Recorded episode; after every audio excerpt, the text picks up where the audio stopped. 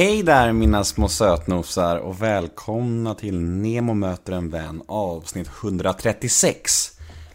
Denna vecka gästas jag av den fantastiskt roliga komikern David Batra. Och innan vi pratar om dagens podd så skulle jag vilja ta två saker. Först och främst så vill jag släppa en liten nyhet att det kommer komma en till livepodd framöver. Den kommer ske i mitten på september och det kommer bli tyngre gäster än någonsin tidigare.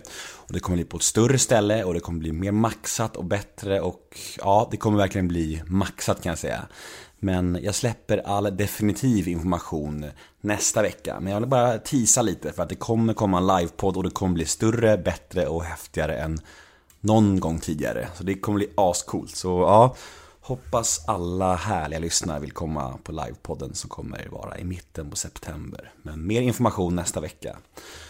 Och sen vill jag bara pusha lite för mina föreläsningar. Eh, jag åker runt i skolor och pratar om min livshistoria, om eh, tidigare kändisskapet i dokusåpor och eh, missbruket och allt kaos som har varit och hur jag idag lever som nykter och drogfri sedan nästan två år tillbaka och hur jag har vänt hela mitt liv. Och Ja, det är en inspirationsföreläsning som eh, jag oftast drar på gymnasieskolor och den har varit väldigt uppskattad och eh, jag har haft en paus nu under sommaren på grund av att jag har fått en dotter men jag kommer dra ut i höst igen och eh, om ni jobbar på en skola eller ja, ungdomsgårdar eller vad som helst så gå in på min hemsida www.nemohedén.se så kan ni läsa mer där, information om föreläsningen och hur man bokar den och, och priser och allt sånt där. Så det vore skitkul om jag kunde få komma till just er stad. Så in på min hemsida och kika för ja, det, jag tror att jag har mycket att berätta för ungdomarna. Hoppas det i alla fall. Åter till dagens podd då. Eh, Neo möter en vän avsnitt 136. David Batra.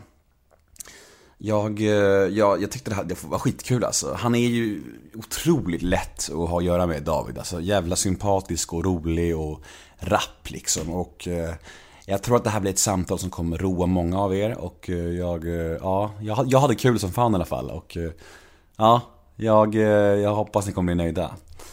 Jag heter Nemo Hedén på Twitter och Instagram. Hashtaggen är NEMOMÖTER.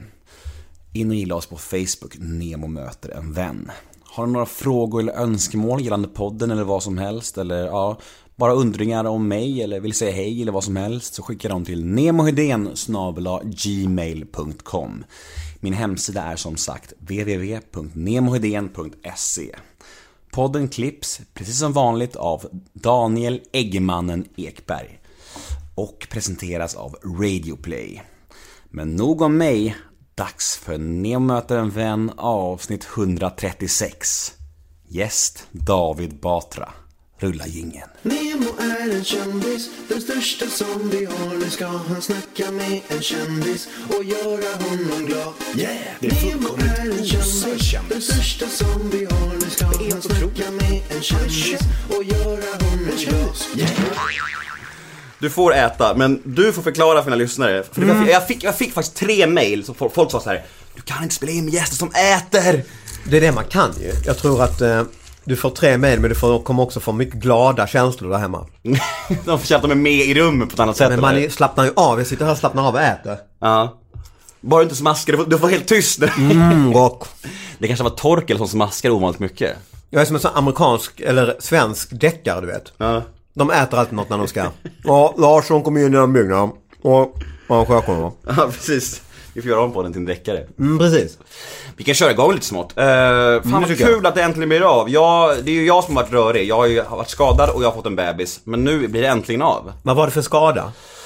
Benet, jag spelar innebandy och jag har ju återupptagit mina, mitt gamla ungdomsintresse innebandyn. Mm. Och i skallen trodde jag att jag var lika smidig och snabb som jag var när jag var ung.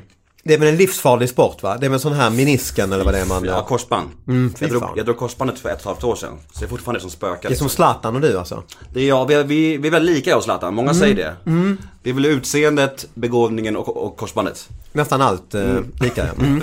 vi in det. Men nu blir det av. Inkomsten också. Inkom, ja, du vet ju hur rik man blir på Radio Play så inte annat. Ja, exakt. Precis.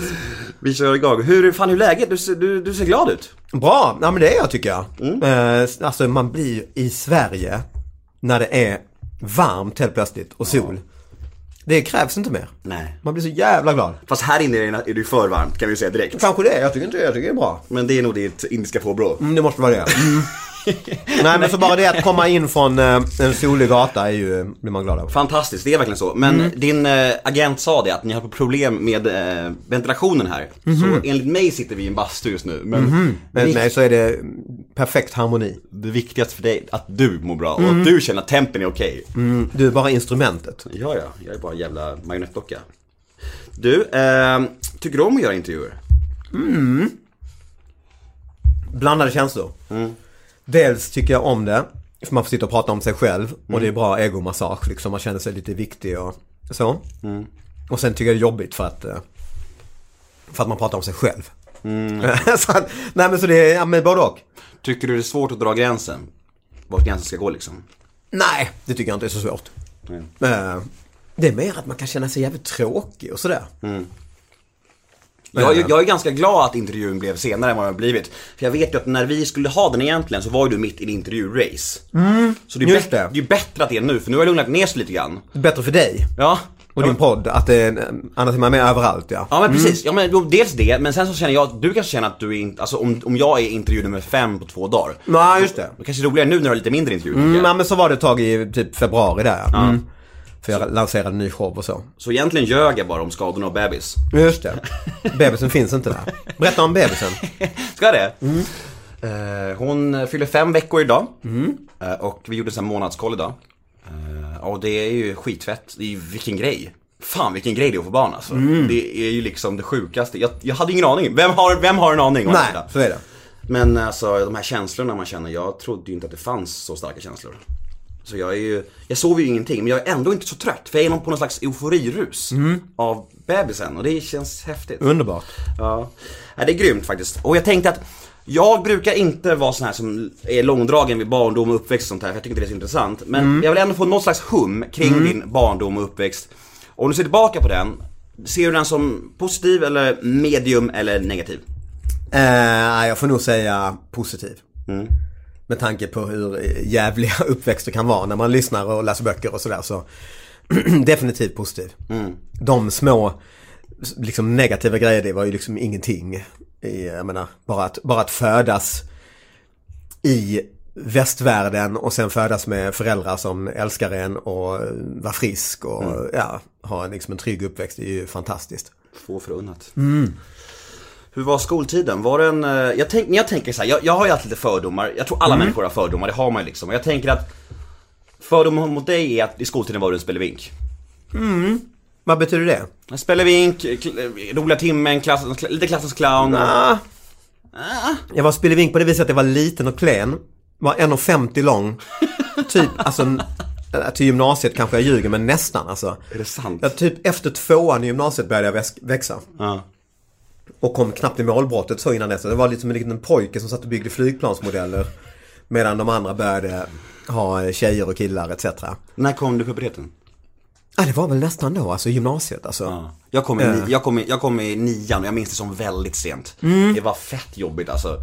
Målbrottet i nian liksom. Uh, Och alla var så här, alla hade så mycket hår på snoppen och så vuxna och jag var helt jävla...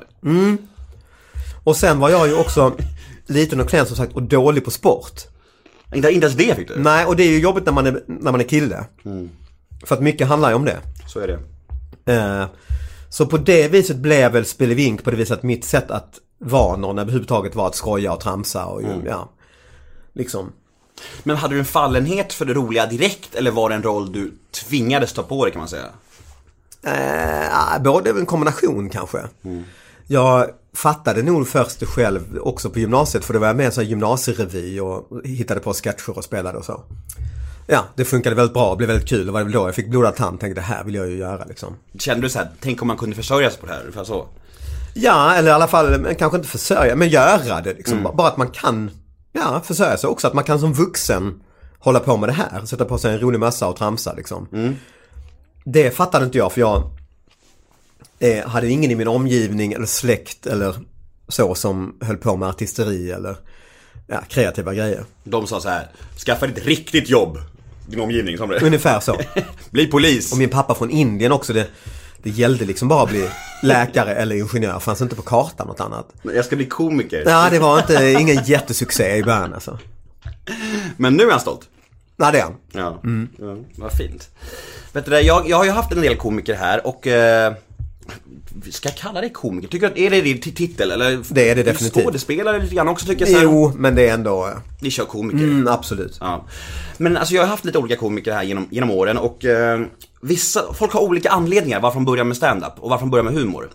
Eh, ofta, är, ofta är det här klassens clown eller, eller få bekräftelse eller liksom så här, försöka liksom hitta sin identitet och det här som vi är inne på nu. Och, men Messiah Hallberg sa så här att han tyckte alla andra var så jävla dåliga och att han kunde göra, göra det bättre själv. Ja, det är också en liten en udda take på det. Ja, just det. Hur, känner du, kan du känna igen det? Nej, men där, jo, kan, inte dåliga ska jag inte säga, men när jag hade gjort den här gymnasierevyn så kände jag det här är roligt och jag gjorde massa busringningar också på min fritid. Liksom ringde alla möjliga optiker och sa att min hund behövde glasögon. Och... Hassan? Ja, och då kom Hassan 94 där. Så... Du var före Hassan? Nej, det var då ungefär Okej, också. mm. Så det är inspiration, men parallellt. Jag upptäckte det parallellt ungefär. Och då skickade jag massa kassetter till eh, någon människa där med konstigt efternamn. Christian Lok hittade jag. Mm, så pack, packade in dem, man printade ut på datorn, snygga omslag. Satt där i pojkrummet i Lund, skickade. Och så låg jag och sov och så ringde, vaknade tidigt som fan på morgonen att telefonsvararen där hos föräldrarna gick igång. Ja, hej det är Christian Lok från Sveriges Radio. Jag bara, "Åh!" Och det var det han som ringde och frågade om jag ville komma till Stockholm och göra några busringningar Okej. som gästbusringare. Så det var ju fantastiskt och då fick jag en känsla att oj, så här kan man tydligen göra. Man, det, det går att skicka iväg de här kassetterna. Man kan ta för sig liksom. Ja, faktiskt. Och sen så dök det upp en liten annons i Sydsvenskan om en, en tävling i stand-up på Hotell Kramer i Malmö. Så här, ja, talangjakt egentligen. Eh, och då tänkte jag, ah, men då, jag anmälde mig till den också. Jag hade det här flowet med det här Hassan-kassetterna. Och så var det, var det liksom uttagning först, var det större än jag trodde då. Hur många var med? Det kanske varit en 30-40 från början och så var det deltävlingar, fyra i varje deltävling. Och så vann jag deltävlingen och gick till final och då gick jag på nästa deltävling för att smygtitta. Vem är det nu jag ska möta här? De, en skulle vinna, det var fyra eller om det var tre deltävlingar. Och då var det eh, en blond kille där från Eslöv som hette Johan Glans som var eh, skitrolig. Och jag tänkte bara, oh, och han vann ju då sin och så oh, det är honom jag ska möta och så var det några till då. Och eh, men då slutade det faktiskt med att vi kom på delad första plats i finalen. Och då var Lenny Norman var eh, konferencier. Och eh, då sa han på scenen där, ah, och vill ni komma upp till Norra Brunn och värma upp för mig nästa vecka så är ni välkomna. Och då tänkte man också, ja ja det kommer väl inte hända och så. Men det var samma sak där hemma hos föräldrarna, jag bodde hemma då. Så ringde telefonen och sa, ja Lenny Norman, jag har bokat flygbiljetter. Och bara, Oj!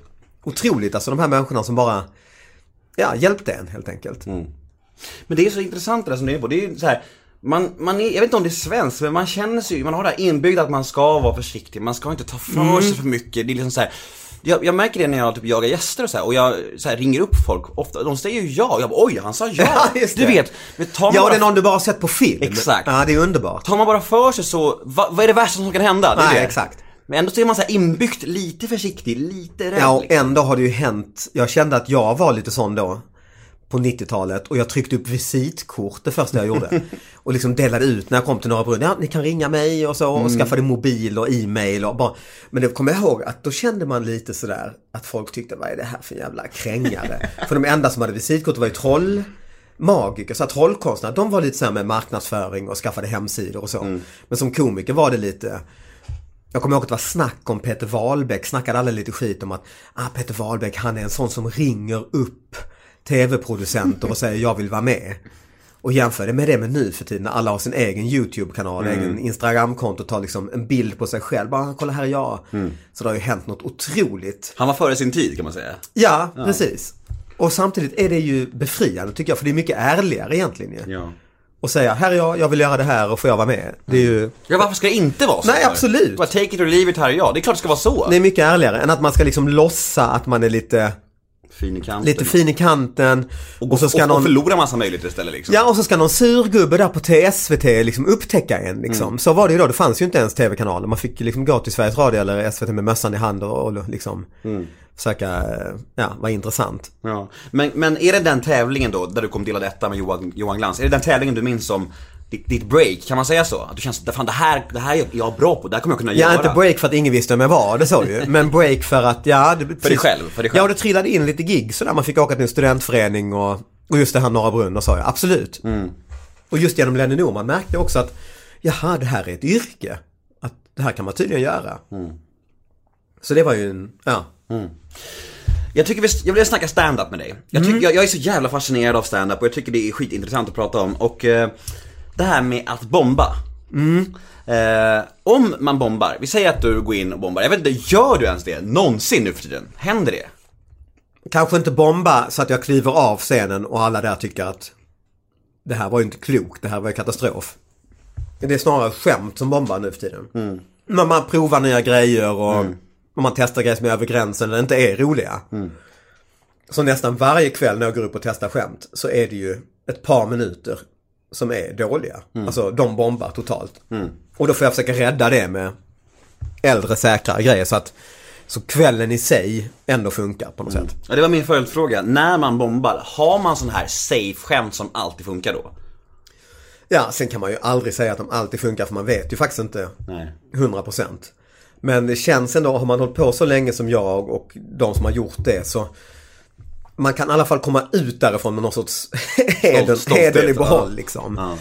Eh, men det kan ju ändå vara folk som muttrar efteråt, att det där var inte så roligt som jag hade hoppats. Jag har ändå sett honom i tv och så. Och särskilt inte när man är i en fas som jag är nu den här våren när jag testar skämt hela dagarna. För att jag har premiär för min nya show i, i höst då, Elefanten i rummet. Och då måste ju, de ska ju funka då. Och då måste jag ju, då är ju jobbet nu under våren att, att faktiskt bomba. Eh, lite grann i alla fall. Eller Head over to Hulu this March, where our new shows and movies will keep you streaming all month long. Catch the award winning movie Poor Things, starring Emma Stone, Mark Ruffalo, and Willem Dafoe. Check out the new documentary, Freaknik The Wildest Party Never Told, about the iconic Atlanta Street Party. And don't miss FX's Shogun, a reimagining of the epic tale, starring Anna Sawai. So, what are you waiting for? Go stream something new on Hulu. Hey, I'm Ryan Reynolds. Recently, I asked Mint Mobile's legal team if big wireless companies are allowed to raise prices due to inflation. They said yes. And then when I asked if raising prices technically violates those onerous two year contracts, they said, What the f are you talking about, you insane Hollywood ass? So to recap, we're cutting the price of Mint Unlimited from $30 a month to just $15 a month. Give it a try at mintmobile.com slash switch. $45 upfront for three months plus taxes and fees. Promo rate for new customers for limited time. Unlimited more than 40 gigabytes per month. Slows. Full terms at mintmobile.com. då och då. Men vad, eh, jag så nyfiken på hur, hur många chanser ger man ett skämt? Ja, det är lite olika. Om man älskar det själv så kan jag nog ge det 5-10 chans, chanser nästan. Men eh, ibland ger man ju det bara en chans. Om kan man, man- märker att det här är, de fattar inte vad jag snackar om. och man börjar, det går upp för en, ja men det här är inte någon allmängiltig spaning jag har utan det här är bara min sjuka hjärna, ingen begriper det. Men ibland om man är väldigt förtjust i det så kan man liksom inte låta bli att tänka, nej jag ska, jag ska muskla in det här. Mitt En- i så här skrattstreak, en man dag- in det en dag ska de förstå mig, alltså. Precis. Men det är så jävla intressant det här, för att jag tänker att om du verkligen tänker så här: det här är ju briljant, jävlar vad bra det är, och ingen skrattar, kan man inte liksom börja tvivla på sig själv Oh, grann då? herregud. Det händer ju, det händer ju nu då och då liksom. Absolut. Mm, särskilt nu när man experimenterar fram någonting. Så man slits ju mellan eufori när man kommer hem på kvällen och det här man knappt trodde skulle funka, funkade pang alltså. Funkar lika bra som en finslipad grej, så är det ju också ibland. Och så nästa kväll går man dit och så testar man något annat som man trodde skulle funka bra, som inte funkar alls. Folk bara tittar som fågelholkar. Tänk vad menar människan? Och, är, liksom, och det kanske är för grovt och folk tänker han är ju äcklig, vad håller han på med liksom? Och man åker hem med svansen mellan benen och tänker, ja vad fan håller jag på med? Jag framstår ju som liksom en pervers. Men så du vet aldrig när det kommer gå hem, i princip, eller? Nej, det kan man inte, inte veta 100% vet jag inte. Men jag kan ju ha mina aningar aningarna blir ju bättre och bättre med åren också. Eftersom man har gjort mycket trial and error och har misslyckats så pass mycket. Alltså det enda instrumentet man har det är att misslyckas. Det är liksom det, är det viktigaste instrumentet man har. Har du så här komikerpolare som du bollar skämt med och så? Gör man sånt, eller är det bara en eh, fördom? Jo, det är mycket. Vem? Ja, väldigt många. Alltså Johan Glans, eh, Patrik Larsson, Hasse Brontén, Henrik Schyffert, eh, Marika Karlsson, alla möjliga egentligen. Men eh, många. Fint. Mm. Det gillar gemen, gemenskapen, båda skämt om varandra. Du, vi går vidare. Eh, Jag vill prata om, eh, vem, vem, förresten, vem tycker du är Sveriges bästa komiker? Och du måste välja någon. Och Sveriges mest överskattade. Oj, oj, oj. Jag fick den frågan från mina lyssnare, och Oj. jag måste ställa den. Ja, det är klart du måste det. Kan du inte svara något Eh. namn på det? Det är väldigt kul om du säger Nu någonting. tittar jag mig omkring för det är en massa affischer här. Jag måste tänka, vem finns det Det är egentligen? bara du överallt här. Där är du, Ja, där är jag, du. där är jag, det är sant. Nej, men alltså. Vi börjar med bästa, det är enklast. Bästa är ju, det handlar lite om form också. Nu har jag precis sett, precis sett Johan med sin nya show. Sin världsturné-show och den, eh, och han har liksom f- fått den till att liksom, ja, gjort den ett par gånger och den liksom, gach, nu sitter den som ett spjut liksom. Och det är ju, så då får jag väl säga honom, men samtidigt nästa vecka kanske jag ser någon, alltså de här topp liksom 5-10 komikerna i Sverige är ju är ju väldigt bra allihop. Annars mm. säljer man inte ut så här konserthus med tusentals människor. Eh, och överskattade, ja, det, det vill jag... Nej, det, jag, jag vill faktiskt inte, jag vill passa på frågan. Dels kommer jag faktiskt inte på någon på rak arm. För jag har liksom, just när jag tittar på alla foton här på, för jag har liksom en väldig respekt för alla i min bransch egentligen som just kliver upp och ställer sig där i stridens hetta. För jag vet ju hur jobbigt det är så att säga. Men jag- kan säga några namn då, så kan du nicka om du tycker. Nicka och äta min falafel här och tugga. Jag tror att du tycker att Öss är mest överskattad. överskattad. Nej, det tycker jag absolut inte. Nicka, nicka. Nej jag skojar, vi går vidare. Nej men även om jag skulle tycka, om du skulle pricka in något namn så skulle jag, jag, jag känns som att, Det är elakt kanske. ja men jag är rätt så tight med de flesta eller alla komiker nästan. Om man har någon sån lite, ja men soldater i skyttegraven tillsammans faktiskt. Och har varit med om jobbiga tillfällen på en firmafest i Borås liksom. Eh, och har gemensamma liksom, erfarenheter och drömmar så, så att jag, jag känner jag har inte lust med det. Nej, det är bra. Det är helt okej. Du ska må bra, det viktigaste här. Bra. Bästa kvinnan då? Oj. Ja, det finns ju många att välja på. Det finns ju färre kvinnor i branschen. Men eh, får jag nog också ta den jag har sett senast göra en riktigt stark egen paketerad föreställning. Det är Marika Karlsson. Jag såg den också. Ja, du såg den Jag är Gud. Otroligt bra. Väldigt alltså. bra, väldigt bra. Otroligt bra. Ehm, och den här tryggheten hon har att kombinera Ja, de här liksom berättelserna om sin uppväxt som pingstvän med eh, så här, trilla av stolen roliga grejer. Den kombinationen är ju inte lätt men hon lyckas. Nu ska vi gå vidare och prata om din fru. Hur trött är du på Ska jag det? bedöma henne också? Precis. Nicka när du ställer Ja, frågor. precis. Vad tycker du om henne egentligen? Nej men hur trött är du på att prata om henne? Du har ju just börjat med det, men nu kommer du få göra det hela tiden. Nu får jag ju skylla mig själv för jag ska göra den här showen Elefanten i rummet som, ja där hon är elefanten. Ja men precis. Nu är det bara att ta frågorna liksom, med hull och hår. Det är inget jag kan rekommendera, kalla sin fru för elefant förresten. Nej. Ja. Hur, det- hur, hur, flög det liksom hemma? Det flög dåligt alltså. Ja. Jag fick förklara att jag är indier så jag älskar elefanter. Precis. Men, eh, ja, nej men så jag är trött på att prata om henne just att när man lanserade shower och så, eller böcker eller vad jag nu har gjort. Och så hade hon blivit en känd politiker samtidigt ungefär. Sen dess, ja 2014 eller så, frågar alla bara om henne. De vill ju inte prata om min pissiga bok jag ska sälja. När jag gör en intervju med Aftonbladet. De bara frågar, hur är det? Hur kan du? Hur, hur är det att bo med en politiker? Det är liksom, jo, jo men den här boken med lappar då vill inte, nej hur är det? Eh, och på det viset blir jag lite trött på det. Samtidigt fattar jag ju det. Du, kan- du får prata om din bok med lappar här. Ja, jag har ingen, nu. ingen bok på lappar att snacka om. Det är showen då och som handlar om henne till stor del. Så att nu jag får skylla mig själv. Nej men så det var en av anledningarna till att jag, att jag gjorde det. Det är smart att bara baka in det. Alla är nyfikna på det, så får du showen då. Ska du snacka om det Ja men lite så. Dels bestämde jag mig för okej det är det här folk tycker är spännande. Då kanske jag får prata om det. Och kanske ännu större anledning är att när man sätter sig ner och ska skriva humor så måste man utgå från sig själv. Var, alltså när jag hade fått barn precis som du nu så är ju hela huvudet fyllt av det. Att man är orolig, man är rädd, nervös och lycklig samtidigt och massa nya problem och utmaningar och så som det finns jättemycket humor i. Så att typ alla skämt jag skrev handlar om att byta blöjor mitt i natten och knappt sova och så. Lite för många egentligen. Men det var det huvudet var fullt av. Det är så. Eh, och nu så har jag hamnat i det här att jag är gift med partiledare då, ja, huvudet är kanske inte fullt av det men i perioder är det ju nästan det. Och det är där ofta skämten kommer då. Så att det är ju därför också det har blivit så. Hur träffades ni? Eh, på en eh, hemma hos-fest egentligen. Eh, ja, som folk träffas egentligen. Visste hon vem du var? Ja, det visste hon. Mm. Visste du vem hon var? Mm, nej, jag visste vem typ hon var där i festsammanhanget och kom, men jag visste ju inte mycket mer än så. Nej.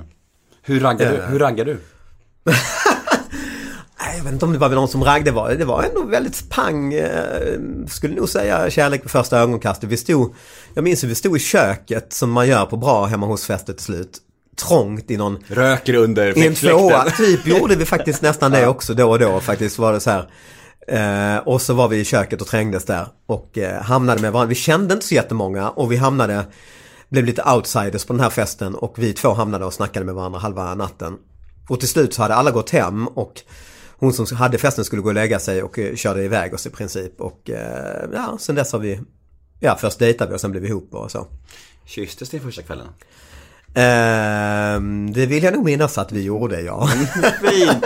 Det är kul, när jag, kollar på dig där, då känns det som att du tänker efter, får jag säga det här? Det gör jag absolut. Gör det? Eller får jag? Får jag? Jag tänker själv, eh, vill jag släppa ut det här? Ja. För så är det ju lite. Särskilt när båda har blivit kända. Och så är man med i en podd och sitter här och käkar falafel och snackar med dig som att vi är två gamla kompisar. Och sen så märker man i, i liksom eh, Hänt Extra tre veckor senare. Det är ju Ja. det. Det är ju nackdelen med att bli stor, att det kommer ju alltid till tidningarna. Alltså, Min grej med min podd har alltid varit här, det ska vara som två kompisar som snackar. Och jag tycker att det är nu, nu är det ju det. Men då glömmer du också bort på att det är en intervju och kan komma ut i tidningarna. Det är ju lite så här både och på något sätt. Jag var med i någon podd och så pratade jag om eh, så här vardagsbestyr och hur... Och jag pratade om att jag är ledig på dagarna.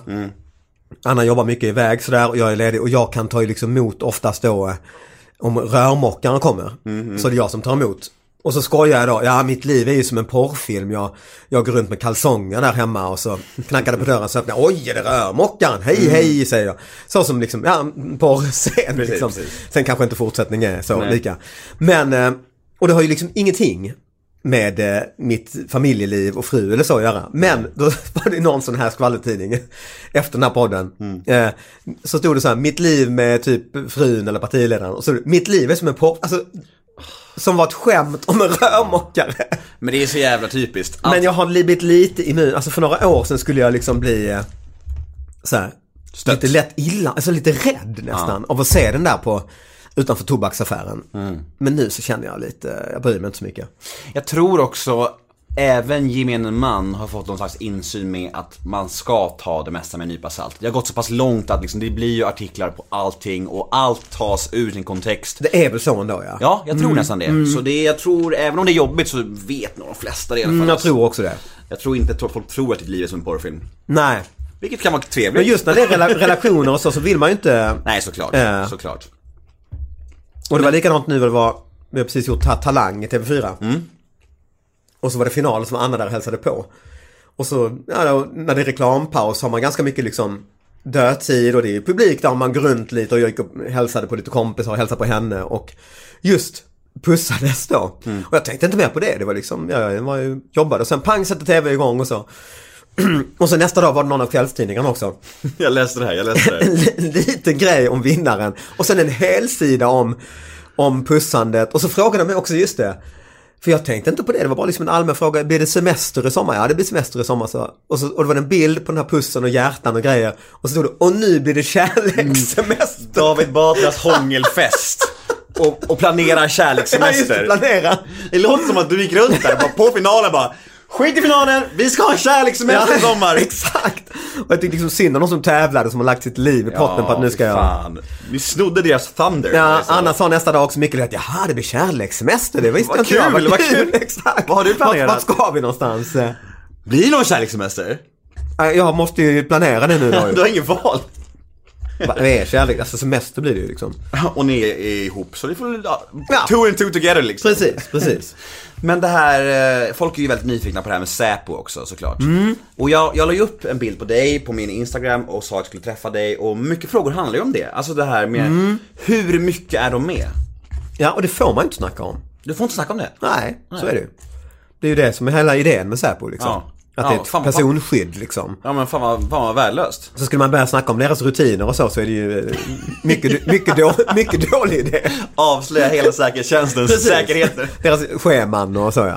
Ja, det makes sense Så faktiskt. tyvärr får jag göra dig besviken. När du säger så. Ja, jag fattar. Ja. Fan trå- tråkigt. Men hur, har hon humor? Är hon rolig? Eh, Anna, ja det har hon verkligen. Mm, jag tror du menar Säpo nu här. Har Säpo humor?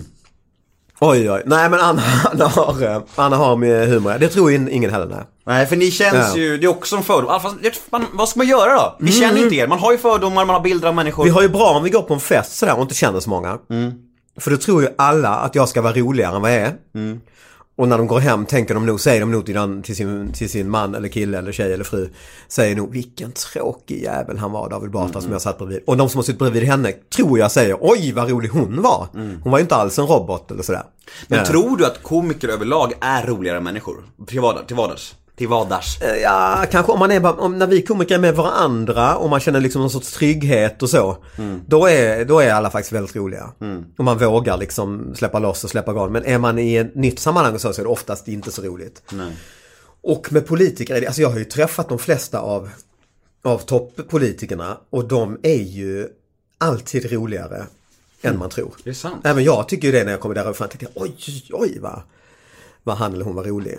Så det Ja, man, har tror ju, jag. man har ju märkt det lite, framförallt Reinfeldt tycker jag verkar ha, det, verkar ha humor. Mm. När han var hos Helenius här, man, man trodde man inte alls liksom. De är ju rätt roliga. Och det är ju ändå det de ska liksom prata om Ja, liksom NATO och liv och död och skicka svenska soldater till eh, FN-uppdrag och så.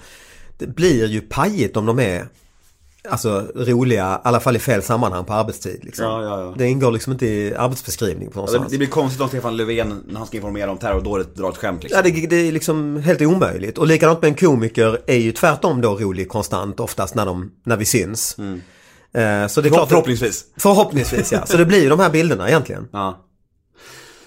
Vi har ju varit inne på att jag blev pappa för fem veckor sedan. Du har, visst har du ett barn? Ja, då är jag påläst och har koll. Det var Ja. inte lätt att hitta den informationen kan jag säga. Nej, jag försöker hålla undan den. Ja, jag förstår det. Men vi, kan, vi ska inte prata om ditt barn, det ska inte göra. Nej, det är inte hemligt så, alltså absolut. Vi kan prata om dig, vi kan prata om hur ditt faderskap, hur ditt faderskap eh, förändrade dig. För eftersom jag själv är mitt i det, så är jag nyfiken på andra pappor, hur de känner liksom. Minns du det som igår? Både och. Både minns jag det, som du pratar om, det här liksom kombinationen av eufori och räd, skräck nästan. Sen samtidigt så höll jag i en bebis nu häromdagen.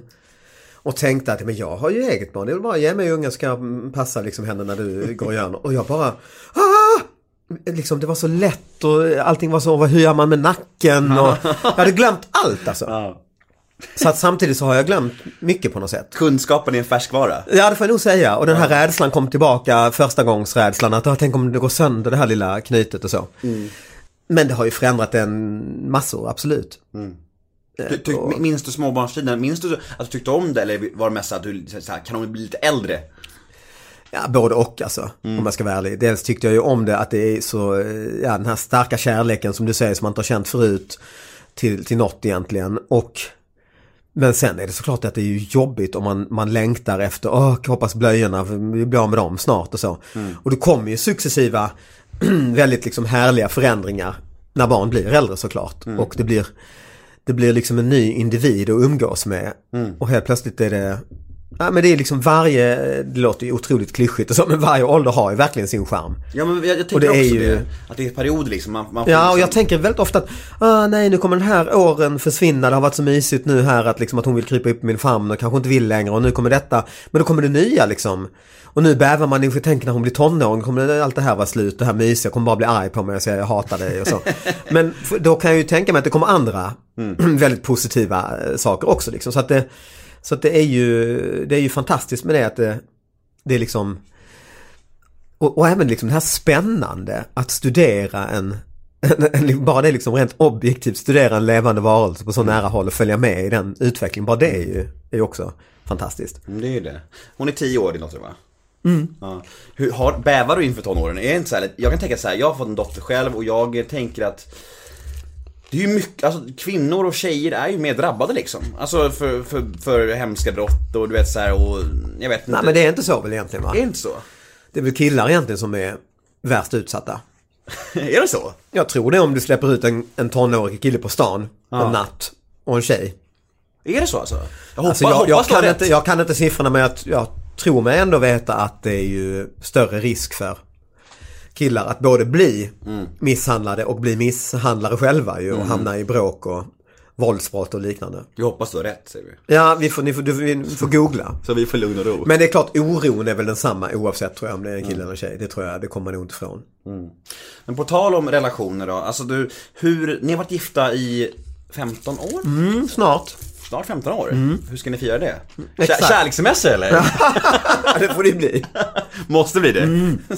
Hur får man en eh, relation att funka i 15 år? Oj. Vad är nyckeln tror du? Ah, du, shit. Ah, Sådana råd vill man ju knappt ge på något sätt. Eh, Men det är lång tid alltså, 15 det är år! faktiskt, när du säger det så här, det är ju faktiskt jättelång tid. Ja, verkligen.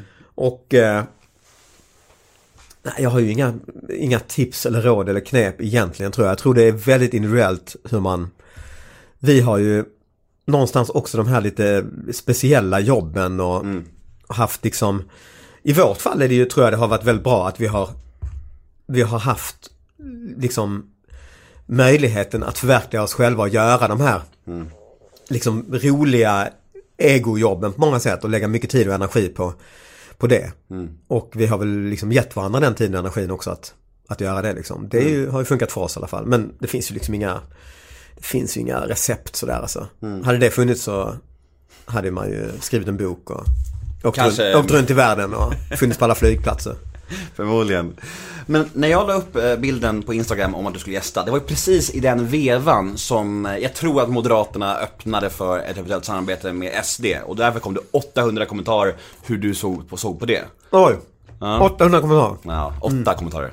Åtta kommentarer. Mm. Ja, så du måste faktiskt svara på det. Mm, absolut. Ja, och samarbete vet jag inte, det är du som Ja, kallar det, det. det är kommentarernas sa så. Ja. Men hur tänkte du? Hur tänker du kring det? Ja, Jag tänker ju att SD är väl det parti, om man skulle liksom hitta något parti som jag står längst ifrån och jag har ju till och med liksom, en av de få som har debatterat med Jimmie Åkesson nu för några år sedan. Det såg jag faktiskt i morse. Ja, så det på YouTube finns det fortfarande ja. Mm. Så att, eh, och jag ju, skulle ju inte vilja egentligen att de fanns i riksdagen överhuvudtaget och just den typen av missnöjespartier som finns i hela världen nu som har blivit jättestora och jättepopulära. Men det här med den totala isoleringen, att vi ska liksom inte stå i samma matkö, vi ska inte prata, vi ska inte överhuvudtaget sitta bredvid dem som det var i början, inte gå in i samma sminkrum om, ah där sitter Jimmie Åkesson. Det tror jag har fått en, en motsatt effekt egentligen, för de får bli underdogs och de är de enda opponenterna till slut och blir någon sorts skämskudde som alla etablerade politiker bara kastar mellan sig och det enda som händer är att, att de bara blir mer och mer populära. Och sen det här då som Moderaternas omsvängning säger att ja, men vi ska, nu ska vi prata politik även med dem. Som jag har gjort med de andra partierna utom dem. Det, ja, jag, jag kan inte svara på om det är rätt eller fel eller dåligt eller bra. Jag, jag, det, på, I sådana lägen är jag faktiskt väldigt glad att jag inte är politiker själv. För jag slipper ta de här jobbiga besluten och få skit av, på min Instagram. Eller får jag ändå i och för sig. Ja, men, eh, Men var det så att du kom hem och bara, men Anna, vad läste jag idag i tidningen? Vad, stämmer det här? Nej, alltså i så fall skulle jag kunna komma hem så varje dag för att det händer ju stora omvälvande grejer i politiken varje dag och Anna i tidningen, ja och tv också var och varannan dag. Så att där, eh, nej, jag har inget större, inget större fokus egentligen på vad hon gör på jobbet egentligen. Nej, Utan vi har liksom en familj och det är det som är det viktiga. Jag förstår. Men hur, hur tar du annars då? Du vet, du, har- du har många, många kollegor som skojar och, och driver om, om er och hej och hen och så här. Hur kan det bli så att man måste väl ändå ha ganska tjock hud som komiker? Alltså man har väl inget val egentligen? För att du driver om folk, du blir driven med, eller kan du också bli ledsen när folk driver om, säg Anna, eller är det bara så att du bara, äh, det är jobbigt, man, man håller isär lätt liksom? Nej, alltså om grejer, jag har ju varit med gjort mycket så här roast-program och så ju, där man säger horribla saker till varandra och sitter och bara tar skit i 20 minuter. Eh, så att nej, ledsen kan, blir jag väl inte, eh, inte om det är, alltså om det är komiker som skämtar. Och det är skämt, då, då kan jag, nej det blir jag absolut inte ledsen. Däremot kommer det ju, alltså även jag får ju rena alltså påhopp och hot och hat och så i, på internet och sådär. Det kan man ju bli, tycker jag direkt obehagligt liksom. Men, men att, eh, ja, att man gör parodier och skämtar och komiker gör skämt om om politiker, jag, gör ju- jag ju själv massa, jag har ju nog i min nya föreställning skämt om alla partiledare. Som är mer eller mindre taskiga liksom. Det är, så är ju, så måste ju en demokrati vara. Men hur mycket kan man ta hot sånt på allvar? Alltså ni kan inte gå ut och vara rädda tänker jag. Men vad, vad, hur kan man agera om man får liksom så här jobbiga kommentarer? Är, är det bara blocka och gå vidare eller liksom? Ja, det är svår balansgång. Alltså ibland, jag har, jag har ju pendlat fram och tillbaka. Genom, eh, ibland svarat folk som har varit direkt otrevliga och hatiska och ibland har jag bara liksom, och ibland har jag svarat sakligt sådär och det bara triggar igång, har fortsatt ofta. Ibland har jag svarat med en sån här puss-emoj. Eh, Härligt provocerande. Ja, och det, det kan ju också trigga igång folk alltså. Alltså. så, att, eh, så att det där är, eh, jag tycker rådet de flesta ger om man får är att man ska ignorera det totalt. Att man Mm. inte ska mata trollen så att säga. Alltså jag har tips då. Jag vet att, jag vet att Magnus Bettner gör så här att han retweetar bara Mm. hatet han får. Så han lå- låter följarna gå på dem, dem istället. Ja, jag vet inte om det heller, det känns också som det triggar igång. Ja, det kanske är det. Och då slipper du själv tjafsa i alla fall, tänker jag. Ja men det tycker jag det gör de ofta. När det är så här kommer i kommentarsfält och så, så är det nästan alltid att det är någon annan följare. Mm. Som, eh, jag brukar strunta i det själv och brukar någon säga liksom, eh, började de käfta med varandra istället. Mm. Och det är lite, det är ju fint, det blir man ju lite glad över. Att någon tar en i försvar så att säga. Du känns ju annars, eh, jag sa det när du kom in att du ser glad ut, du ser Mm. välmående ut. Alltså välmående, det låter ju tjockt alltså. Exakt. Varför kan man inte säga välmående Du ser tjock utan att... ut, eh. du ser väldigt tjock ut David. Nej men du ser glad ut och sådär. Alltså jag får ju bilden av att, här, nu är det återigen en fördom, men att du är en ganska ångestbefriad människa. Att du är lycklig liksom. Är du, har, många- du, har du ångest? Ja det får jag nog säga att jag har alltså. Eh, inte just nu när jag sitter här med dig har jag inte ångest men jag har, jag är nog ganska orolig själ alltså. Mm. Som har mycket oro fram och tillbaka genom livet, absolut. När mår du som sämst? Jag mår nog som, jag är dålig på att fatta beslut egentligen. Eh, och det kan vara liksom, jag får mycket beslutsångest, både små och stora beslut. Och, och lite så här grubblande å ena sidan och andra sidan och reflektera och kan komma in i sådana här liksom där jag ligger och funderar på nätterna när nu är det tyst och lugnt och mörkt. Och, man har liksom upp, jobbat med grejer hela dagen, uppträtt på kvällen, varit omgiven av folk och sorl och så. Och där börjar man tänka, "Drr, nu ska jag bena upp det här. Och eh, så ligger man vaken halva natten och fattar ju inte något bättre beslut av det. Man är bara trött och dålig cirkel liksom. Ja, hjärnan har gått på helvarv. Utan, Ja, men precis. Utan någon som helst mening. Precis. Men eh, när grät du sist? Och, eh, när grät jag sist? Ja, det var nog faktiskt eh, nu här om helgen. Jag såg den här filmen Lion. Har du sett den? Nej, men jag ska se den. Jag går, Ja. på, jag går på all bio, men just den har jag inte sett den. Otrolig alltså, otrolig. Det är så? Och särskilt om man är då, eh, ja, indiskt ursprung som jag handlar ju om en kille som eh, blev adopterad från Indien och eh, borttappad. Det är två filmer i en va? Är inte så? Kan man säga, eller? Nej, ja det kan man säga på ett sätt. Ja, men han, egentligen är det väldigt traditionell historia. Han söker sitt ursprung och, och han blir liksom borttappad och hamnar på barnhem och blir adopterad, bortadopterad. Eh, och sen söker han sitt ursprung och, och eh, ja, jag ska inte avslöja, spoila. Nej. Men det är egentligen, egentligen så finns ju massa sådana tv-program och allt möjligt egentligen. Så det är inte något unikt alls men väldigt fint gjort. Och, och man, i och med att jag också har varit så mycket i Indien och som barn och allting så kan jag känna igen mig så otroligt och jag vet mina föräldrar hade inte sett den men jag ringde dem och sa ni måste se den för att de pratade alltid om när vi var där, när vi var små, vi var på den här stora, eh, stora stationerna i Delhi och Calcutta och så där det är så massivt med folk. Och långt innan det fanns mobiler och internet och så. Jag vet mamma och pappa brukar berätta hur de höll i min hand liksom om man var fyra år gammal. För visste att tappar jag den här handen nu en sekund, då har jag förlorat den här ungen för livet. Liksom. fan, för det är, alltså. det, är en, det är så mycket trängsel och rörelse och man liksom, jag kommer ihåg fortfarande jag kunde känna den här mammas hand och man bara äh, åkte med som en vante. Och det är försäljare och väskbärare och tiggare och resenärer och kaos och ljud och, och sådär. Fy fan, läskigt land ändå på Och, och då var det ju, och det, sådana grejer har ju hänt och det finns ju många adoptivbarn som har de storiesarna egentligen. Som bara, ja, ja, historien var att jag var med mamma på marknaden och så blev jag borttappad och sådär. Eh, och det här är en väldigt så här rörande historia då. Om, eh, om detta kan man säga. Dagens tips kan man säga. Ja, alltså då grät jag, det var ju, det var ju som en parodi hur mycket jag grät alltså. Det var så, här så att man kommer ut från bion och man får liksom gå hem och byta tröja för att den, den är blöt av tårar. Så det var... Skönt ändå, gråta Ja men det är skönt. Det är väldigt skönt. I alla fall i sån, sådana sammanhang när man vet att det här är ändå en film som har triggat igång det här. Och, eh, ja. När jag, när jag gråter lite, jag tycker det känns som att man renar sig själv lite grann. ja men faktiskt. Efteråt är det ju väldigt skönt alltså. Det är skönt. Jag har en, en lyssnare här som är nyfiken på din relation med Johan Glans. Är ni nära vänner? Ja det är vi. Bästa vänner? absolut. Bästa vänner? Ja, det skulle han. Jag har några, några bästa vänner men han är en av dem, absolut. Jag vet inte vad, ska, vad, vad jag ska fråga om det. Kan inte David berätta, kan inte David berätta om sin relation med Johan Glans?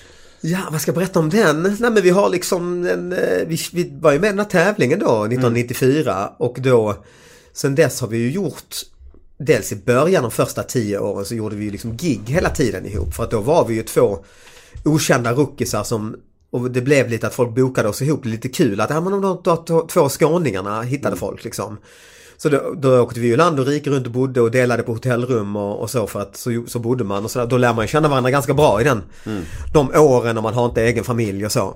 Och sen har vi ju alltid haft ja, lite jobbprojekt som har flutit på tv-program och så. Men även när vi inte har det så har vi Nu har vi familjer båda två och barn i lite samma ålder och sådär så att jag ska faktiskt åka över nu när han är i Los Angeles och jag ska åka över där med familjen och hänga i hans hus och sådär. Och, Mysigt. ja. Har ni liksom, har det aldrig varit en konkurrenssituation? Nej, ja det har det väl, alltså mellan alla komiker är det ju det på sitt sätt. Jag tror vi har haft tur.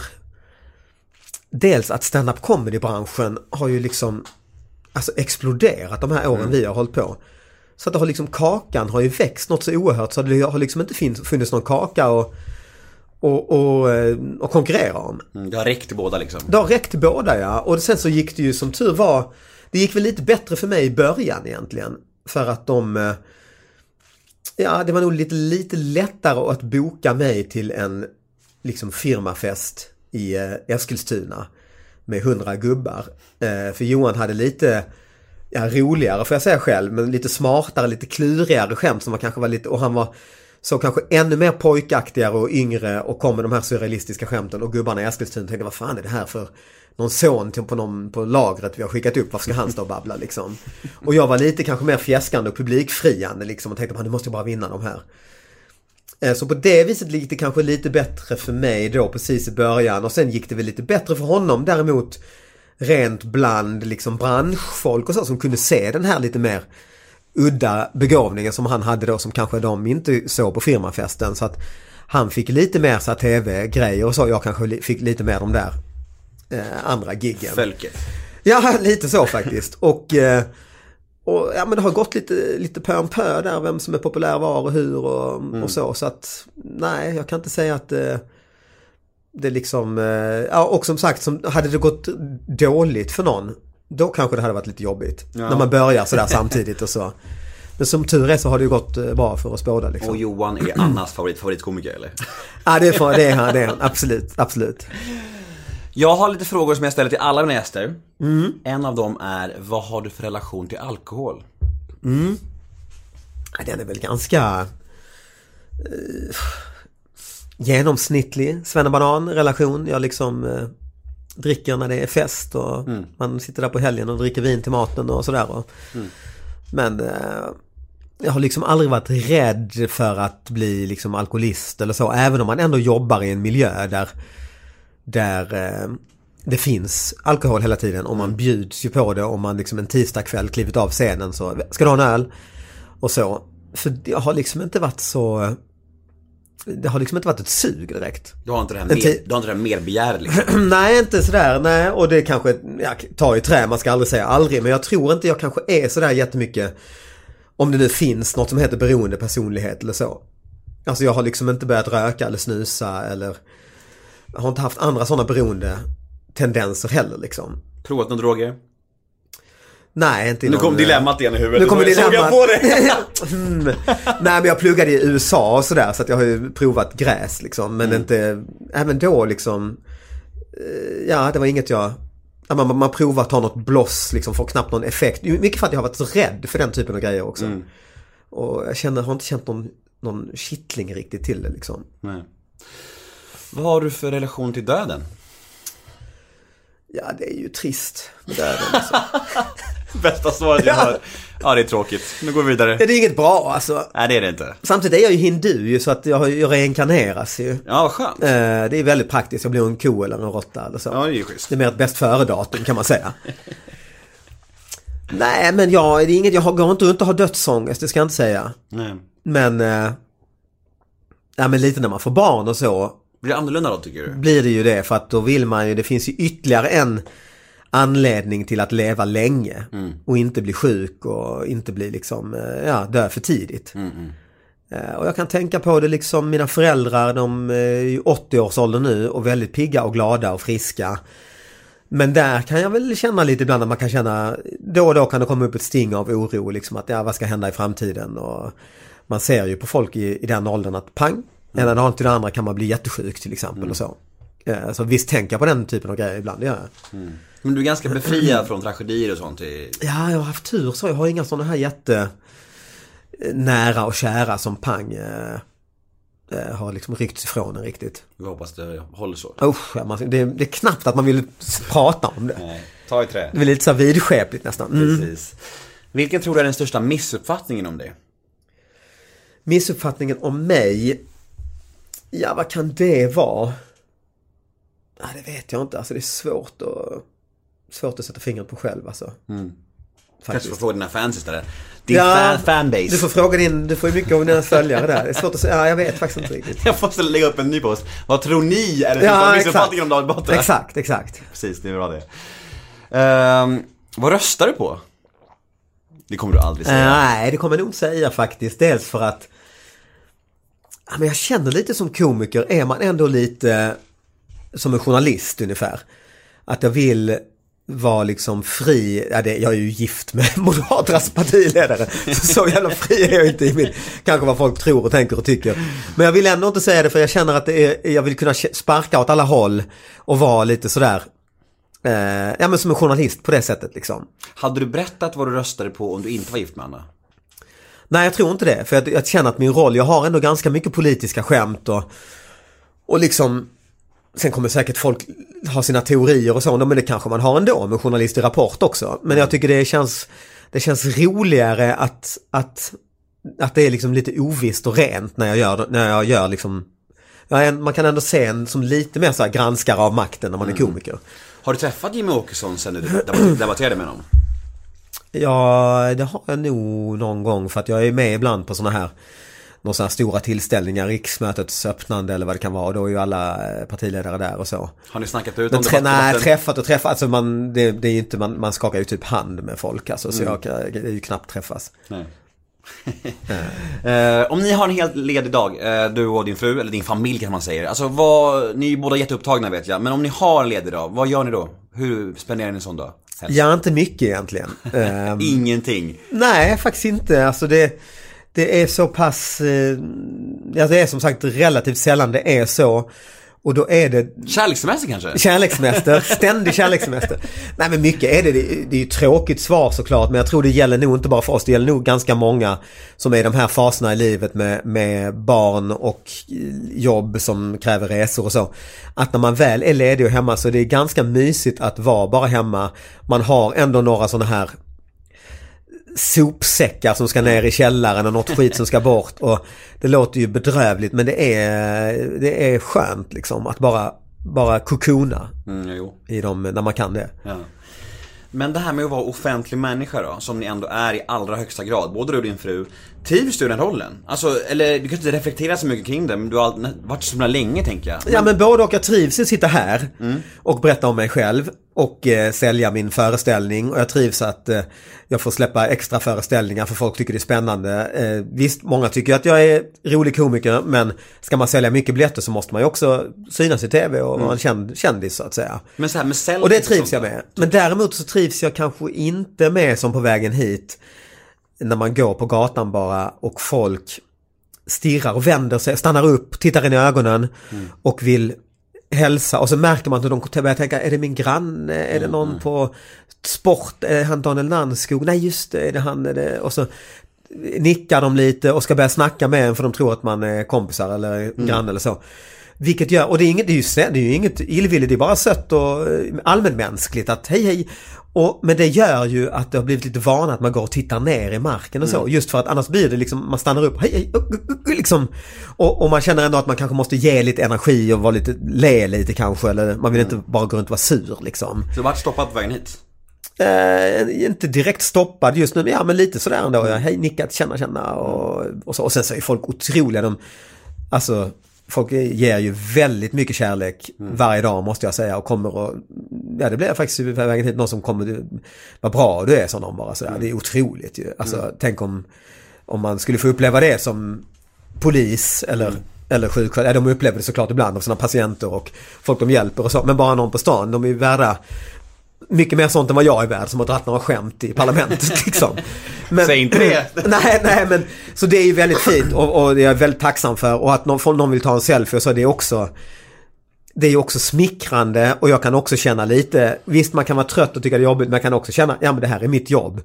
Så kommer den här personen lägga ut den selfien och ja, jag jobbar med detta, jag vill ju sälja biljetter, det här är mitt eh, yrke också liksom. Så det tycker jag nog om, men samtidigt känner jag faktiskt nu ska jag åka till USA till exempel då och, och åka runt lite och hälsa på Johan och sådär.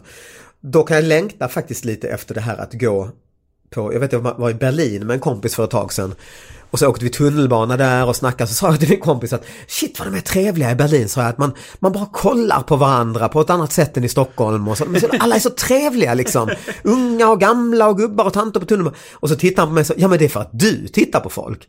När jag är med dig i Stockholm sitter du bara och glor ner liksom. Och nu där i Berlin så det blir lika villkor för då kan man ju båda titta varandra lite snabbt i ögonen. Kanske nicka men ingen vet någonting. Jag tänkte faktiskt Eh. på det här, för jag, jag mötte dig på Folkungagatan Aha. för, för en dryg vecka sedan. Asså. Och då kollade du bara ner i marken. Ja, okej. Och jag ville inte stoppa dig då. Du såg så himla upptagen och, och nästan lite besvärd ut. Ja, ja, Du kollade ja. ner i marken så här. Så Ja, det här du säger så här, så jag har sett det live. Ja okej, ja, men, och det är nog för att jag är också lite blyg. Typ. Vissa, tycker, vissa får man en känsla av så här lite mer teaterapa-människor. De njuter ju av det och går liksom mohahaha på Folkungagatan. Och det, det trivs inte jag med. Nej. Det är Eh. rimligt. Men däremot så känner jag att det är också lyxigt att man är svensk. För jag kan ju åka till, ja, till Köpenhamn. Så är det ju ingen jävel som eh, vet vem jag är. Så att det är ju, eh, tänk, jag tänker ibland när man känner sig just lite besvärad av detta. Tänk alltså de här, man fattar ju ett sån här Britney Spears som blir helt galna Ja. i huvudet. Eller? Alltså jag blir så här. Jag Alltså det finns ingenstans på jorden. Nej. Alltså det finns liksom inte. Nej. Och det är så sjukt, och, och jag, tänker, jag tänker på Justin Bieber då. Oh. Och jag tänker så här. Folk tycker att han är ett svin som... Ja, visst. Hur fan ska han inte Ja, bli nej, det är ett svin? klart att han Alltså, blir, ja, nej, visst. Alltså, Ja, och att alltså- han blir helt galen. Man läser de här och han klättrar upp i träden och alltså. Ja, det är klart att han blir, han blir sjuk Visst. i huvudet han, alltså att folk som inte blir sjuka i huvudet och inte missbrukar Ja. och inte blir Jag är bara hatten av till er. Ja. Alltså de är ju bara wow, hur, hur går det till? Liksom? Nej, visst. Så det är verkligen så här lagom Och jag har ju varit med om det, fast då var det ju mer kul faktiskt. Då var jag på en lång resa i Indien och var i djungeln med min pappa. Vi var jag säga, red elefant och skulle på tigersafari. Lite så här far och son resa liksom. Mm. Och var långt i djungeln, man hade behövt åka jeepar och bodde i något vindskydd man hörde liksom djur och sådär. Mm. Och sen åt vi på någon sån här liten liksom hål i, ja skjul i djungeln, drack indiskt te sådär. Då kommer det en blond familj och pratar skånska och går fram till mig och säger Ja nu har du åkt långt bort för att inte hitta några svenskar men här är vi och sådär. Underbart. Ja och då var det faktiskt bara kul Ja, ja. för det var liksom så udda. Det är bara, det är bara de här, det är Ja, ja, och det blir lite, det blir faktiskt lite roligt på, och de, de, de hade ju nog sagt så oavsett vilken svensk det var, bara för att det blir lite, lite galet att det är två från Sverige där. Men, men eh, då tänker man ju, tänk sådana här Justin Bieber och så liksom. Det finns noll Noll. eh, ensamhet egentligen. De kan inte åka någonstans. Nej. Fy fan. Eh, Jag har ett segment som heter ett ord om. Det Mm. går ut på att jag säger fem stycken offentliga människor i Sverige. Och du säger första ordet som kommer i ditt huvud när du Okej. Mm. hör det namnet.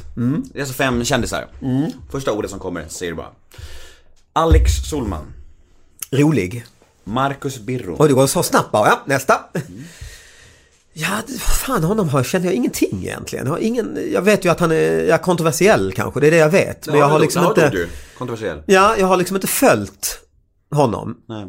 Men jag har fattat eh, att han svänger fram och tillbaka och ja, hatar och älskar och så. Mm. Kontroversiell då? Ja, det får jag säga. Det är allt jag liksom har koll på egentligen. Sara Larsson. Ah, fantastisk. Jimmy Åkesson. Eh, ja, nej tack. Leif GW Persson. Ja, eh, otroligt fascinerande ju. Att man kan ringa upp honom. Alltså det har ju blivit, varenda kvällstidning kan ringa honom. Ja, det behöver ju absolut inte handla om kriminologi längre. Det kan Han är vara... expert på allt. ja, det är underbart det är det ju. Hela Sveriges Ja. expert på alla Ja. ämnen. Leif. Och han svarar gärna. Och genom, ja, dels är det ju lång och trogen tjänst. Ja. Men det är också det här om du skulle gå till Dramatiska institutet eller träffa en någon sorts mediatränarcoach eller liknande och fråga hur ska man bete sig i tv? Ja, då ska du prata tydligt. I, inte hålla på att ta dig i ansiktet. Börja flåsa och andas och hosta. Vända bort dig från kamerorna och micken. Eh, vara otrevlig mot Ja, den som ställer frågor. Alltså han gör ju egentligen Tvärtom. troligtvis alla fel på en sån här liksom... När han får frågan kan han titta sig ut. Bara, "Aha, Att det är en idiotisk fråga han har fått alltså. Det är bara han som kommer undan med sånt beteende. Ja, och det är väl där, därför han blir älskad också. Förmodligen. För att man, Alla man är så trött på allt som är så snyggt och snyggt och Det är befriande, det är stylat. ju det. Och så sitter han med en käpp och bara... Nej, ja, det, det är ju fantastiskt. Han är väldigt kul att imitera. Ja, det är han ju. Jag är inte bra på det, men det finns ju de som är. Eh, Det räcker med förlåsa. ja, för det de räcker med... ja, precis. Och han, alltså han, alltså han flyttar sina glasögon hela Ja, tiden. Om och om och om. Det måste vara en tvångsgrej. Och det är väl också en sån tics-grej som Ja. folk hade sagt ju att... eh, På, av, på, av, på, av. Alltså Ja. hela tiden. Tänker han på det själv tror du? Men sen är det ju också, alltså man ska inte bara säga att det är de här att han gör allt fel så att säga. För det är ju också man faktiskt sen lyssnar på vad han säger och, bara, och typ skriver ner. Så, så, sä- han formulerar ju sig kristallklart ju i kombinationen av flytta på glasögonen och flåsa. Det är väl den kombinationen som blir väldigt Ja, men stark han är också. ju skitsliten, Ja, och, och, såklart. så, och så smart liksom. Nej men det ja. Jag måste ändå, när vi snackar om GV så måste jag berätta om när jag ringde honom och frågade om podd. Ah. Det här är egentligen, sånt här gör inte jag, men jag tänker att vi ändå vill snacka om GV nu. Så Ja, herregud. Jag ringde GV och jag sa så här: Hej, jag heter Nemo Hedén, jag driver en podcast, berättar vilka som varit med, hur mycket lyssnare jag har så här, och kör min pitch så här. Han bara Du slipper mig! Så la han på. Så la han på. Ja det är bra alltså. ja, så jag tror inte jag får honom. Nej. Nej. Han gör gärna kvällstidningar men inte så gärna, inte så gärna poddar. Nej. Han visste inte vad en podd var ens tror jag Nej, säkert, nej. Men jag slipper honom så det är skönt. Nej, samtidigt den dagen han verkligen ska lansera någon jättenytt projekt och så är det inte omöjligt. Nej. Jag menar han uppenbarligen tackar han ju ja till att vara med i saker. Så att, eh, Jag tror han inte ens vet vad podd är, han, nej, han är mest förvirrad bara. han kan, du kanske måste gå via någon annan liksom. Ja, jag får försöka med det. Mm, precis.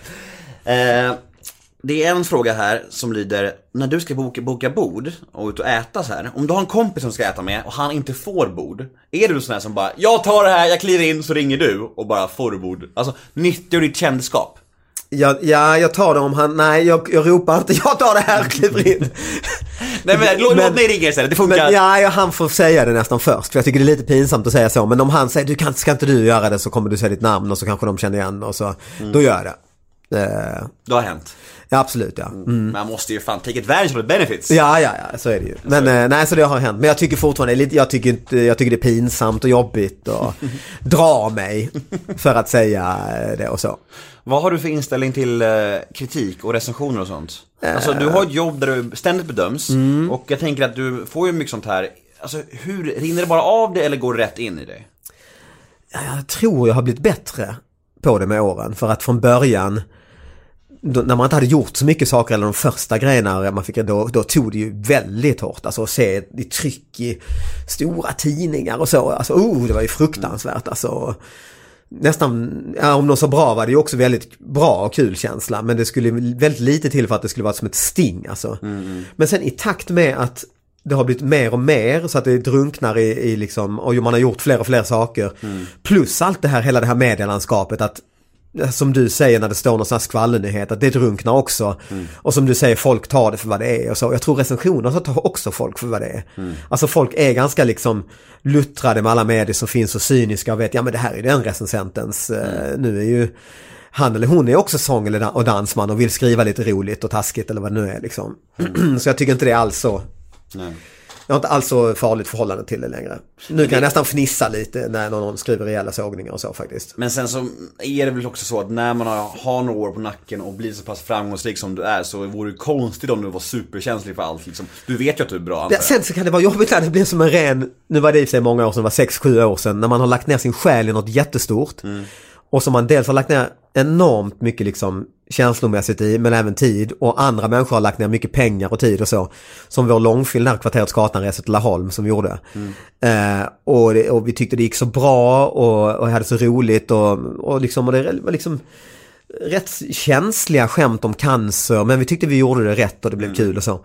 Och så det var premiär och vi märkte på premiären det var sånt tryck alltså. Och det var så mycket skratt. Och det var så, alla bara kom fram och kramades. Och SF berättar nu har vi utökat antalet kopior, den ska bara massivt ut på hela Sverige. Och ni måste göra en uppföljare, kan vi redan nu liksom boka att vi gör en uppföljare, oj oj oj det här blir årets liksom sällskapsresan. Och man bara gick fram euforiskt och bara liksom Flög fram. Flög fram ja. Och så öppnade man tidningarna nästa morgon.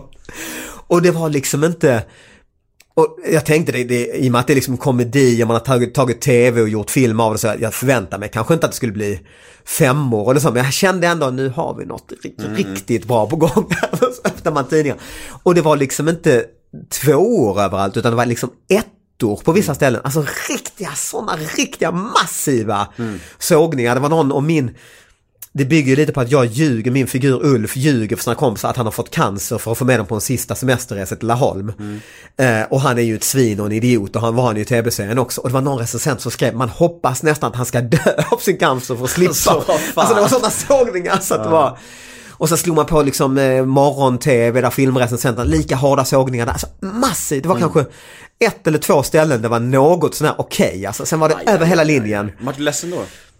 Kanske inte var ledsen, där blev det nästan galghumor alltså. För det var så massivt mot vad vi hade trott så att vi liksom fick flina och skratta åt det. Är det i kvarteret Skatan som du någon gång säger så här, det jag, jag, jag mördade ju en snubbe en gång. Ja det gjorde jag. Mm. Ja, Det är ju den... väldigt roligt. Ja, och det är den killen som håller på sådär. Ja. Som då Ulf heter han då, som också ljuger om sin cancer. Och, ja men en idiot liksom. Men, eh, Just den grejen tycker jag är hysteriskt kul. Men, ja, men tack, men då i alla fall så då började man göra research för tänkte man, måste hitta en förklaring till de här ja, dåliga. fattar. Och det är det där man, man, man börjar tappa tron på sig själv. Man tänker, vad fan jag och vi alla har vi bara levt i någon sorts förljugen, vad är det kanske skit? Och så började jag läsa recensioner om den här filmen som Hipp Hipp gjorde. Eh, Morgan Paulsson heter den och Yrrol, alltså Lorry-gängets film. Och hittade ett par andra sådana här, alltså när komedi-tv har gjort långfilm. Du har ju ett färskt exempel, Eh. Morgan och Tobias. Också, Ja det var också så ganska ja. sågade, Ja exakt ja. Och då var det exakt samma ton också. För jag hittade dem då som hade varit där det stod. Hade, de började ofta med Det är nästan omöjligt att gå från tv till film. Och sen var vinkeln då. Då har att, de eh, bestämt sig. Ja, så lite, så lite den, man kunde få den lite ursäkten till sig själv i alla fall. Mm. Sen var kanske inte filmen fantastisk heller, det ska jag nog säga i efterhand. Men, Vi får ju se nu i, i Solsidan. Ja, ja Ska, exakt. de, ska de bli liksom Ja. de som första som lyckas? Ja. Får se. Ja, och det skulle inte förvåna mig om de blir det för att dels att Felix är sån otrolig regissör. Ja, det är många duktiga där. Eh, och dels att det är, Solsidan är ju något så massivt fenomen liksom. Så att, eh, ja det ska bli spännande att se som sagt. Mm. Du är ju här av en anledning. Just nu det. har du några minuter på dig. Ja. Markna- marknadsför Oj, föreställningen. oj, oj, oj, oj. Ja, nej men det är precis, jag är ju här, jag tackar ja till lite intervjuer nu ja. Jag brukar, eh, för att göra reklam. Nej men jag ska inte sälja så mycket den, den faktum är om jag ska vara helt ärlig, den säljer sig själv ganska mycket. Grattis till det. Så jag har släppt upp eh, nästan 40 föreställningar nu till hösten Mm. och eh, massor av dem är utsålda. Vissa städer är redan helt, ja finns inte biljetter längre liksom. I. Mm. Jönköping och, och ja, ett antal städer. Eh, så det är väldigt kul och att jag är mycket stolt och glad över det och börjar bli nervös nu för nu måste jag ju leverera också. Men det, ska, det kan jag lova här i podden, det ska jag göra. Det hoppas jag verkligen. Mm. Och om man vill följa David Batra på sociala medier, det finns. Ja, finns på Instagram. Eh, Twitter, det är väl ingen som använder det längre men där finns jag också och ja, Facebook finns jag också. Och lyssna på din podcast. Lyssna på min podcast ja, som är granne med din ju. Mm. Ja, precis. Eh, så det kan man göra också. Det tycker jag ni ska göra. Eh, Jag heter Nemo Hedén på Twitter och Instagram. Hashtaggen är neomöter. In och gilla oss på Facebook. Nemo möter en vän. Säg tack till David Batra. Tack själv. Hej då! Hej!